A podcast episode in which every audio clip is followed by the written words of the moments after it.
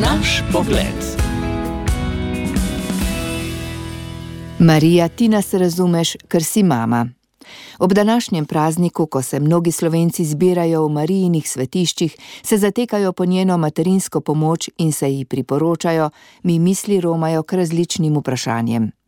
V začetku julija smo gostili učiteljico iz Anglije, ki je bila nemalo presenečena, ko smo kot družina v nedeljo odšli k Maši. Povedala je, da pri njih zelo malo ljudi redno obiskuje crkv, sploh pa se k Maši ne odpravijo družine skupaj. V tem letu sem imela možnost opraviti nekaj krajših potovanj po Italiji in Franciji. Opazila sem, da skoraj ni bilo moč videti družin z otroki, ampak le pare s psom. Družine so bile večinoma le priseljenske. Neko noč smo prespali v hotelu, ki je bil nekoč samostan. Povedali so nam, da že dolgo nimajo več poklicev, pa tudi vse manj vernikov hodi k maši. Že nekaj let spremljamo, kako se v zahodnem svetu zapirajo cerkve in samostani, saj preprosto ni več nikogar, ki bi bival v njih ali jih obiskoval. Moram priznati, da me je prevzel strah in skoraj malodušje ob pomisli, da krščanstvo v Evropi počasi izginja. Ob tem sem zaznala veliko vlogo vzhodnih držav, kjer je, bolj ali manj, vera med ljudmi še navzoča. Dokaz so tudi današnja romanja k Mariji in številna manjša občestva po župnijah, gibanjih in skupnostih, kjer se vera živi mogoče še bolj poglobljeno in iskreno kot nekoč. Spontano mi je iz srca priurela prošnja k Mariji. Ti, ki si mati, prosim, pomagaj nam ohraniti vero, ki je edini in najdragocenejši zaklad, ki ga človek lahko poseduje.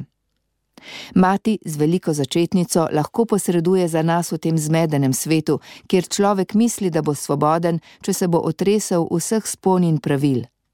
Zahtevamo pravico do umora najšipkejših, kot so otroci v materinem telesu ali na smrt bolni ljudje, ki si zaslužijo naše največje sočutje in skrb.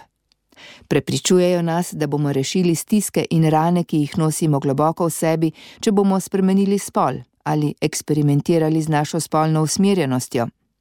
Mislimo, da bomo srečni, če se bomo rešili spon zakonskega jarma in iskali nove zveze. Vendar temu zmedenemu človeku, ki počasi izgublja svojo identiteto ali pa je ta vedno bolj v tekočem, če ne že v plinastem stanju, kot se je izrazil papež Frančišek, resničen odgovor ne dajajo te instant hitre rešitve.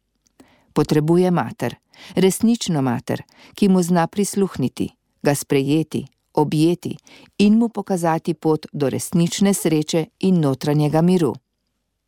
Spominjam se, kako sem Marijo v srcu prosila, naj objame meni drago osebo, ki je bila v stiski.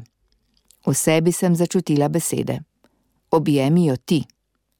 To je bil Marijin odgovor ona lahko v ta zmedeni svet individualizma, zagledanosti vase, vojn, trpljenja in stisk vseh vrst pride preko nas.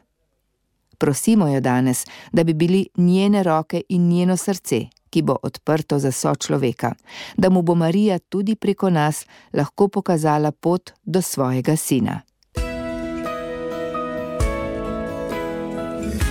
Naš pogled.